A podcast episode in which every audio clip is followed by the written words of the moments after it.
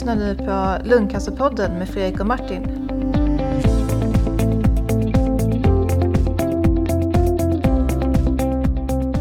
Hej och välkomna till Lungcancerpodden. Ja, ny vecka och ny lungcancerpodd, nästan i alla fall. Eh, vi har med oss på länk idag eh, Martin som har flugit över Atlanten. Tjena Martin! Ja, tjena tjena! Jag sitter här i en hotellobby eh, i Chicago och eh, väntar på att komma ut till flygplatsen. Vad, har du gjort Perfekt. i, vad har du gjort i Chicago egentligen? Jag har varit på den här jätte, jättestora onkologikongressen som heter ASCO, eh, American Society of Clinical Oncology. Eh, och det är liksom en, en samling av alla, alla tumörer i princip eh, och forskare kring dem. Det är väl mellan 30 och 40 000 delegater.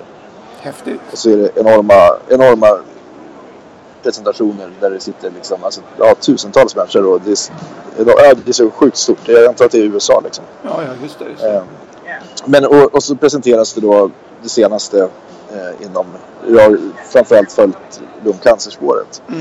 Eh, och det har varit jättespännande. Vad, vad, hur, hur länge det här, har det här hållit på nu? Vi kom hit i torsdags och sen så började väl första, första dragningen var i fredags och sen så nu är det måndag. Eh, Tisdag? tror jag. Visst är, fan är det tisdag? Ja, det, just är tisdag. Jag ber om ursäkt. Jag är helt liksom dyngsvill. Eh, och, och jag pratade med min fru för ett tag sedan. Men vänta, jo just det, då var det fortfarande tisdag. Där, ja. Jag pratade med henne i natt också, men för då tyckte jag själv att det var måndag och sen så hade hon tisdag. Så, ja.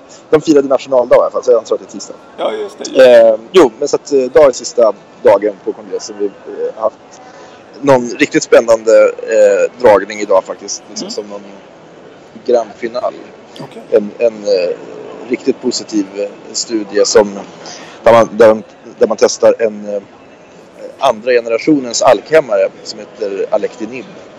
Eh, som visar extremt fina data. Man hade sett det redan förra året på en lite mindre grupp från Japan. Eh, och då så, det, det var extremt imponerande. Man väntade då den här globala, globala patientgruppen som, som, eh, där man inte hade fått in tillräckligt mycket data. Och nu så presenterades den då idag.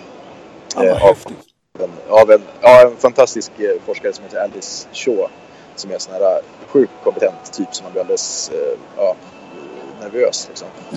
Eh, hon, har, hon har presenterat jättemycket snygga studier. Hon är ett, en riktig superstjärna.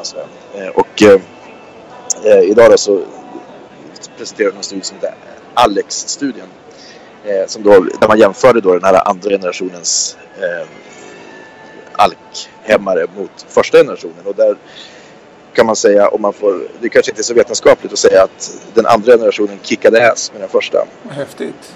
Eh, men det är nog det man får säga. Alltså den första generationen låg kring ett knappt år i, i eh, det som vi kallar för progressionsfri överlevnad. Alltså att inte sjukdomen försämras. Eh, och eh, den eh, nya behandlingen då, den, som är en, den andra generationens hämmare. Eh, där hade man en median progressionsfri överlevnad på eh, 25 månader drygt. Wow. Ja, det är ju helt fantastiskt. Alltså att på en, en behandling nå upp till över två års stabil, eller alltså, ja, svar på sjukdomen i medel. Och då är det ju alltså vissa som kommer att svara mycket längre och vissa såklart som svarar lite kortare. Eh, Hur var- men, men det är Penetrering mot eh, skalle och sådär. eh, extremt bra. Eh, och det har man sett också att den har väldigt bra penetrans över hjär- blod-hjärnbarriären. Den här eh, som gör att det är så svårt att, att behandla hjärnan. Eh, och man- såg att man fördröjde, fördröjde och minskade risken för, för hjärnmetastasering och också hade väldigt bra effekt på de som hade metastaser redan vid, vid diagnos så att säga. Eh, så att, eh, oerhört hoppfulla data. Och, där, eh, och sen så kan man säga att vi då samtidigt som de här studierna görs så, så börjar man ju då samla in eh, ny data kring vad det är som händer när patienterna inte längre svarar. Eh, och där kom det också ny jättespännande eh, data där man liksom kan göra tabeller på olika då, mutationer som, som de här eh, tumörerna tillskansar sig för att utveckla resistens mot läkemedlet. Eh, och så kan man se då i de här tabellerna att beroende på vilken mutation det är så kan det vara så att trots att man då har haft ett av de här lite mer fancy eh, supernya preparaten så kan det vara så att man kan få effekt av ett gammalt preparat eh, om man har en, en resistensmutation då mot det nya och sådär.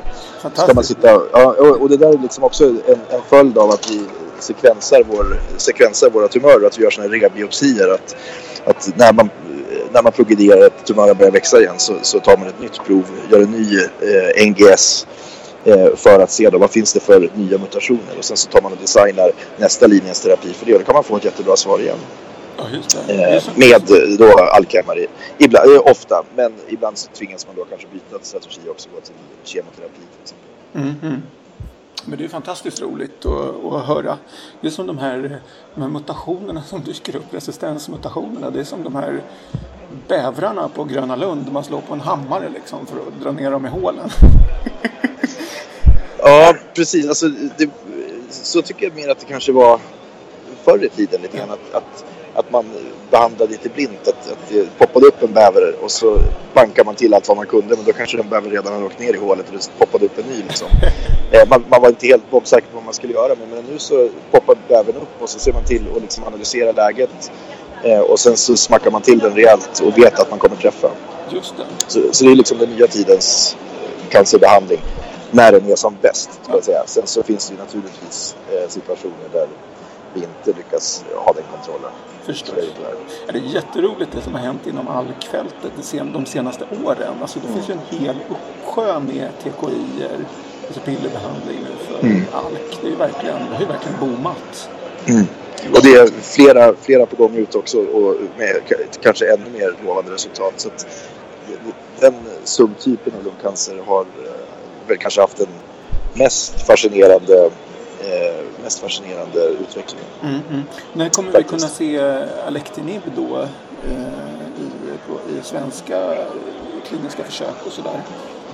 Eh, vi, alltså, Alectinib är redan godkänt i Sverige för andra linjens behandling ah. eh, och finns, finns tillgängligt.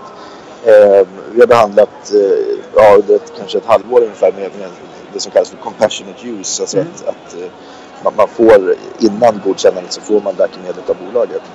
Eh, så det har funnits tillgängligt ett tag och nu så är det ju då frågan och jag tror att det här kommer bli nya standardbehandlingen i första linjen och då får vi se hur lång tid det tar innan man får ett godkännande för det så att säga. Det, ska ju gå igenom då, eh, man, måste ju lägga in en ny ansökan till Europeiska medicinal, medicin EMA. Mm. Eh, ja, läke, Europeiska läkemedelsverket kan man säga. Och de ska godkänna då den här, titta på studien, se att det finns en, kostnadseffekt, en, en medicinsk relevant nytta och sen så eh, bollas det ner då till, till ekonomiska instanser på respektive, eh, i respektive land som ska bedöma är det här någonting som vi kan godkänna utifrån den kostnad som finns och så vidare.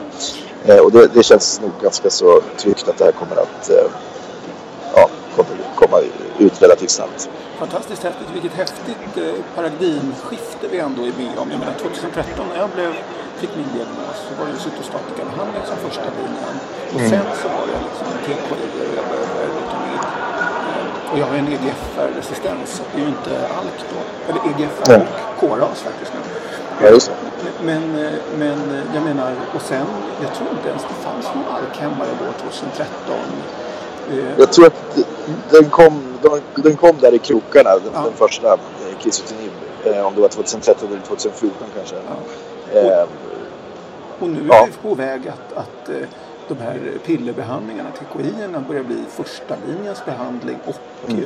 ja, immunterapi kommer ju starkt också nu eh, de mm. senaste 12 månaderna. Liksom. Det bara har liksom vänt från den här att bara vara liksom cytostatika behandling ja. till, till, till Absolut och, och, där har du ju den riktigt stora där, problemet med de här specifika mutationerna, alltså EGFR, ALK, ROSET eh, det är ju att de är så pass sällsynta. Att, eh, EGFR brukar man väl säga att det är knappt 10 procent ungefär av, av patienterna som har och, och ALK kanske bara ner mot 3 procent eller så. Mm. ROS1 som, som är en jäkligt spännande, också en sån här translokation att eh, det är inte riktigt en mutation utan det är en, en eh, kromosom, gener hoppar omkring i kromosomerna kan man säga.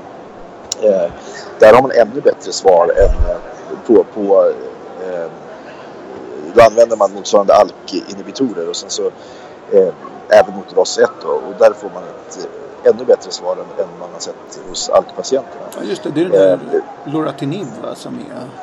Den, vill jag minnas också fungerar. Den Loratadin har inte kommit ut på marknaden än. Den är fortfarande i prövningar. Okay. Kommer nog att godkännas relativt snart och också en jättelovande produkt som, som slår mot eh, alk i huvudsakligen som den är utvecklad mot. Jag har för mig att den också tar rosett. Och sen, men annars är det Krisotinib, alltså ah, okay. eh, det, det preparatet som vi använder i första linjen redan idag då, så att säga för mm. alk eh, translokerade. Men, men där, det var ju en revolution när den här targeted medicine kom in på, på lungan då med, med EGFR-mutationen som den första som vi hittade. Mm. Eh, och, eh, men det var ju fortfarande en väldigt stor andel av patienterna som fick kemoterapi då i första, första linjen. Eh, men nu sedan ett halvår tillbaka ungefär så har vi ju godkännandet på immunterapi i första linjen för de patienter som har ett väldigt högt uttryck av, av det vi kallar för PDL1, en, en, ett ytprotein eh, på tumörcellerna.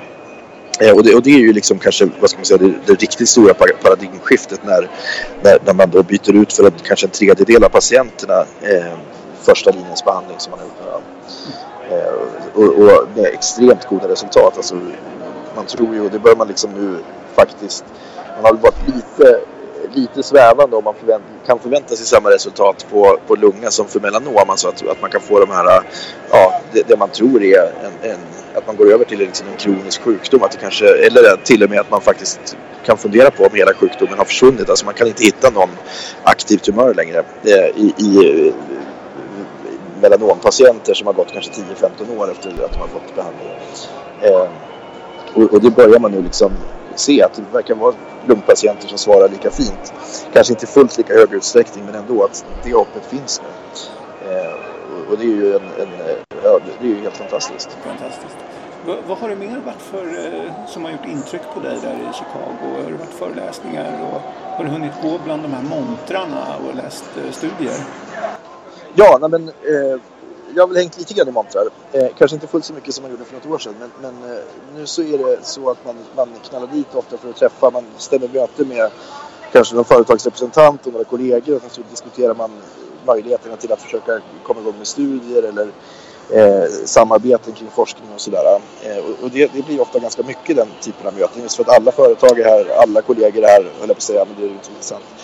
Eh, och eh, ja, det, det, blir mycket möten och man kan tycka att det är lite absurt att vi inte kan dra ihop de här mötena ner till vardags eh, hemma i Sverige eller på videolänk och sådär. Men här är det liksom alla är fokuserade och har möjlighet att liksom komma ihop sig på kort varsel och så. så vi har haft möten med finska och norska eh, kollegor bland annat som, där vi har diskuterat nordiska samarbeten och sådär. Otroligt spännande och givande. Mm. Sen så är det ju en sån här jättemässa med massor av konstiga videoskärmar och liksom 3D-gunkor och allt vad det kan vara liksom, som de försöker locka in folk i båsen. Men, men, men jag menar, det mesta som är i montrarna är ju ja, det är ganska ytligt liksom. Den riktiga forskningen finns ju ute i, i de olika sessionerna. Mm. Eh, och där har det varit oerhört mycket riktigt bra tumörbiologi som har presenterats. Det kanske inte har varit fullt så mycket. Det var den här Alex-studien då som var liksom den stora genombrottsstudien kan man säga. Eh, men eh, sen så i övrigt så har det varit mer kanske att vi har liksom konsoliderat tumörbiologisk kunskap. Att, att vi samlar ihop en, en ny karta som vi kan börja designa våra studier ifrån och börja välja vilka biomarkörer och vilka vad vi ska försöka ha som target när vi behandlar och så vidare. Det tror jag kommer ge ett enormt avtryck om något år när vi har kunnat börja utnyttja all den här nya kunskapen. Så det har varit otroligt mycket imponerande eh, uppföljningar av till exempel då sån här resistensutveckling både vid, eh, både vid eh, behandling med sån här målriktad terapi men också immunterapi och så.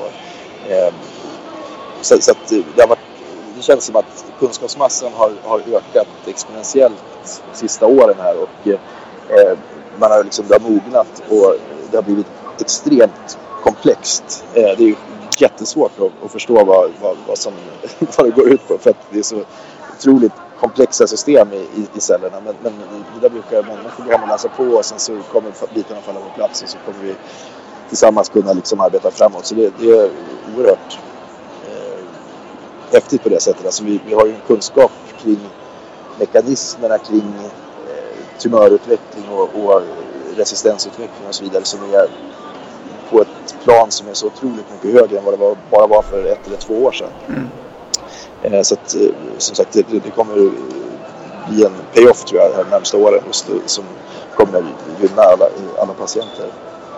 Eh, men sen så har det, varit, det har ju varit flera, även om de kanske inte då har räknat som sådana här genombrottsstudier så har det varit flera studier som har visat lovande resultat. Eh, och till exempel så finns det på, på mesoteliom som ju är en, en eh, cancer som är väldigt svår att komma åt som drabbar lungsäcken. Så den här tunna hinnan som sitter runt lungan. Eh, där, där, har det presenterats data. Eh, och till exempel då så har man visat eh, en, en tidiga data från en, en, studie som har gått i så kallad fas 2, alltså där man inte har så stora populationer. Eh, där man har lagt till en, en eh, paroral, alltså en tablett till den standardbehandling som man ger med kemoterapi. Eh, och, och, den har visat positiva data med, med väldigt lovande överlevnadsförlängning.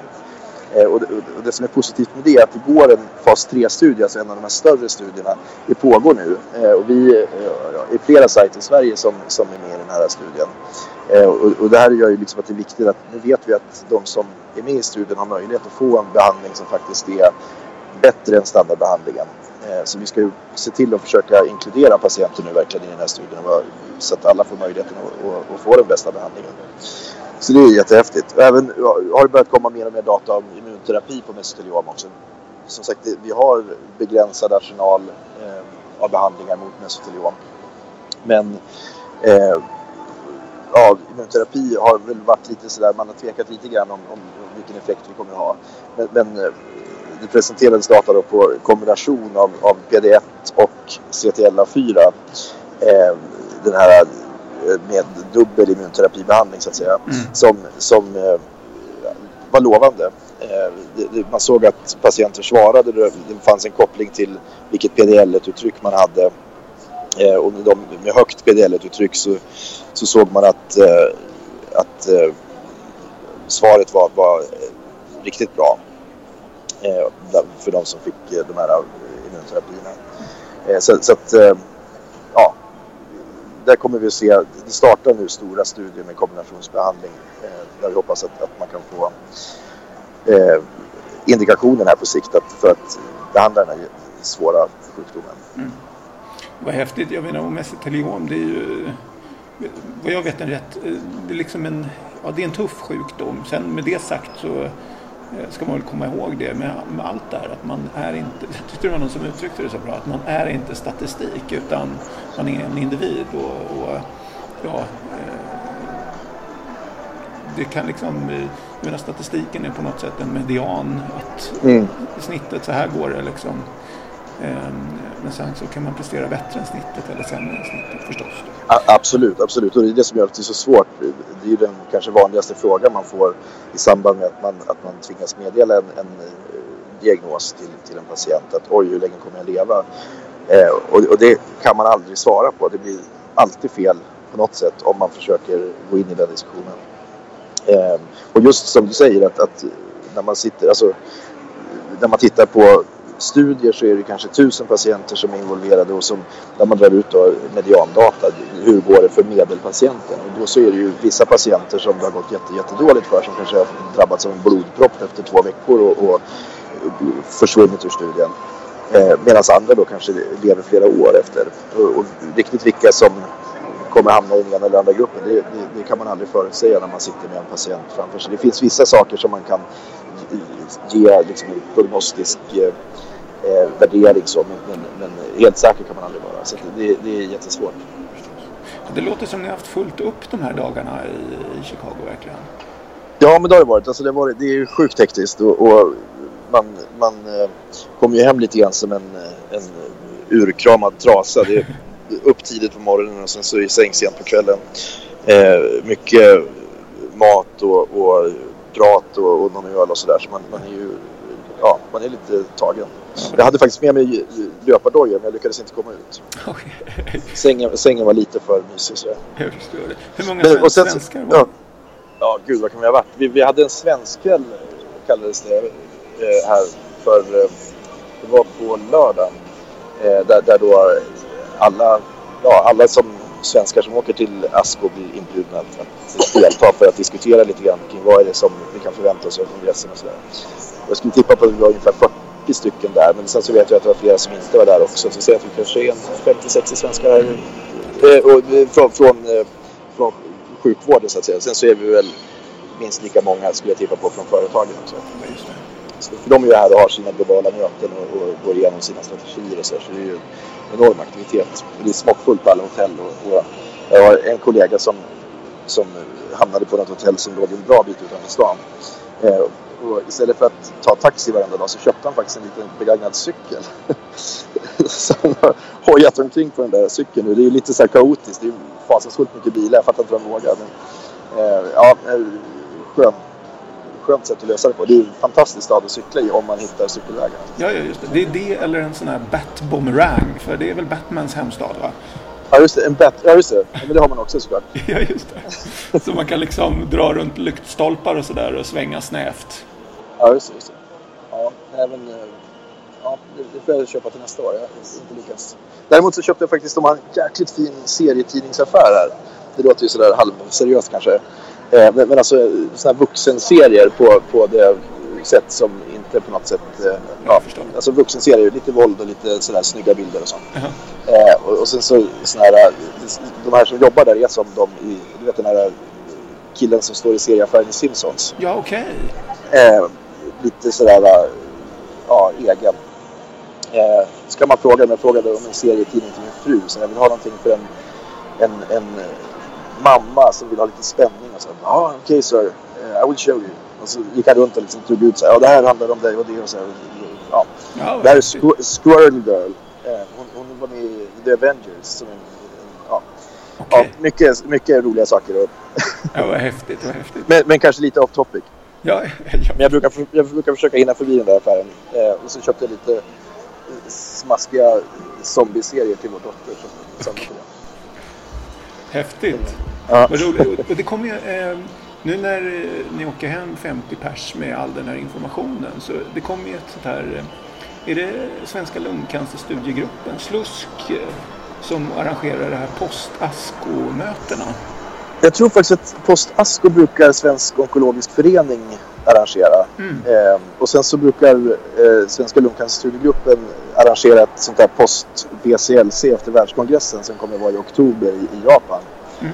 Eh, så, så det brukar vara i Stockholm och, och brukar vara välbesökt. Så det är ett jättebra sätt att sprida den här kunskapen till kollegorna i landet. Verkligen, verkligen.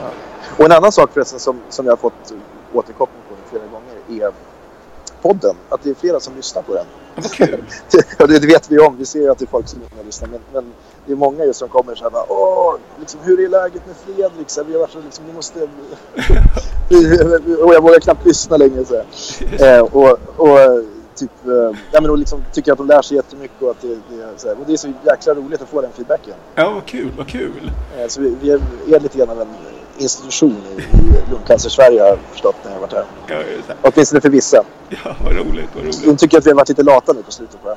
Ja, just det. Nej, men jag var faktiskt uppe hos, eh, eh, här på kliniken där jag går. Eh, och där lyssnar de också på podden. Eh, så att, Ja. det är jättekul verkligen att, att eh, jag menar, den får spridning inom, inom både läkarkåren och patienter. Och det, Ja. det var ju vårt mål från början att, att eh, liksom samla lungcancer i Sverige runt någonting kanske. Och liksom försöka i alla fall. Jo, nej, jag snackade med en nyutexaminerad kurator också som skulle börja jobba med lungcancer just.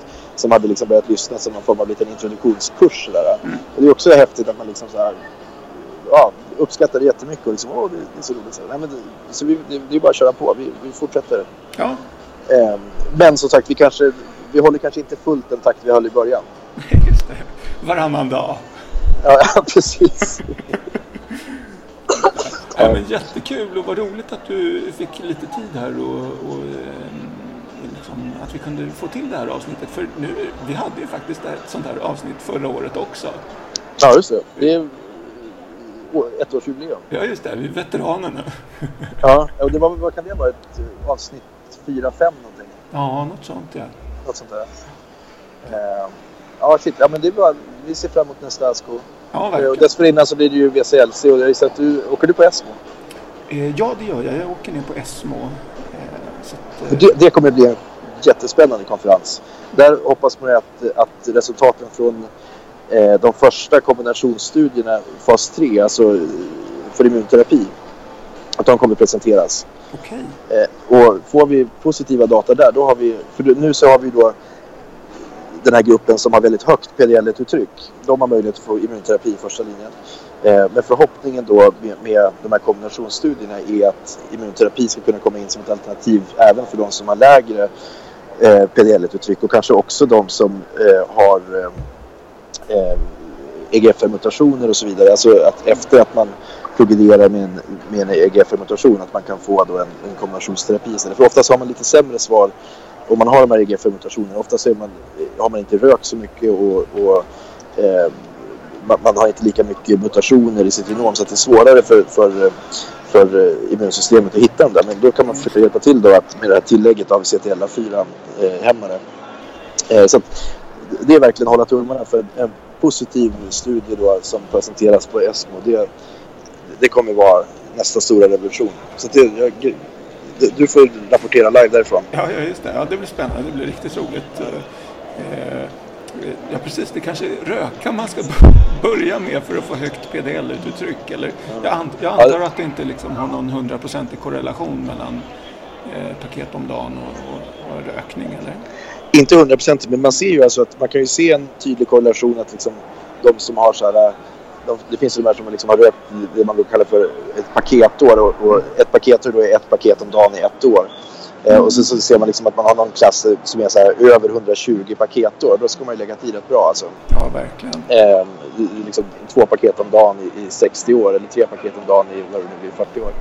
Wow. Eh, men, och de har ju då oftast högre, det man kallar för mutationsbörda eller mutational load. Mm. Eh, och eh, problemet är väl det att det är rätt svårt att röka. Alltså ska man dra på sig 120 paketår på ett halvår sådär, då, då, då ska man ju röka en helvetes Ja, just det.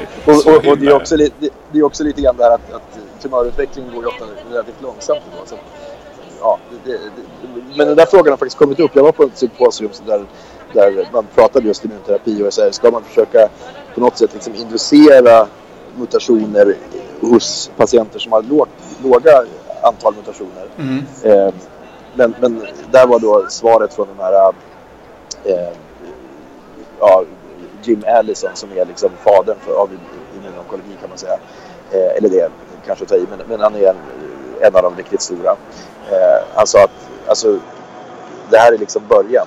Nu behöver vi hög mutation load och så, men när vi börjar lära oss att kombinera preparaten och så här, då, då, kommer vi, då räcker det med en mutation som skiljer tumören från, från eh, kroppen så att säga. Så, så, eh, så kommer immunförsvaret hitta det där. Ja, eh, så att på sikt så kommer vi inte behöva bry oss om det heller. Häftigt. Verkligen. Häftig tid ja, vi lever i. Verkligen, och det finns mycket hopp tycker jag nu på, på himlen för, för eh, eller på himlen, på, i forskningsvärlden och eh, ja, medicinutvecklingsvärlden. Eh, det, det, det händer mycket och det är liksom är i närtid som vi kommer kunna ha de här riktigt stora eh, nya eh, spännande möjligheterna. Mm. Till exempel med kombinationsformer. Kul! Hörru du, eh, tusen tack för idag. Det har varit superspännande det här verkligen. Tack själv! Tack att du tog tid och liksom att du, jag ja, menar, herregud. Det här är ju, vi snackar om det, att man måste ju prioritera det här i livet. Och det här är ju en av de sakerna som verkligen liksom ligger först i prioriteringsordningen. Ja, just det. Ja, det är superkul. Du, eh, trevlig flygresa hem så ses vi då. Ja, perfekt. Vi ses. Ha det så bra. Ja, du också. Hej. Hej alla som lyssnar. Hej. Hej. Tack för att du lyssnade på Lungcancerpodden med Fredrik och Martin. De senaste avsnitten hittar du alltid på lungcancerpodden.se eller i din podcastapp.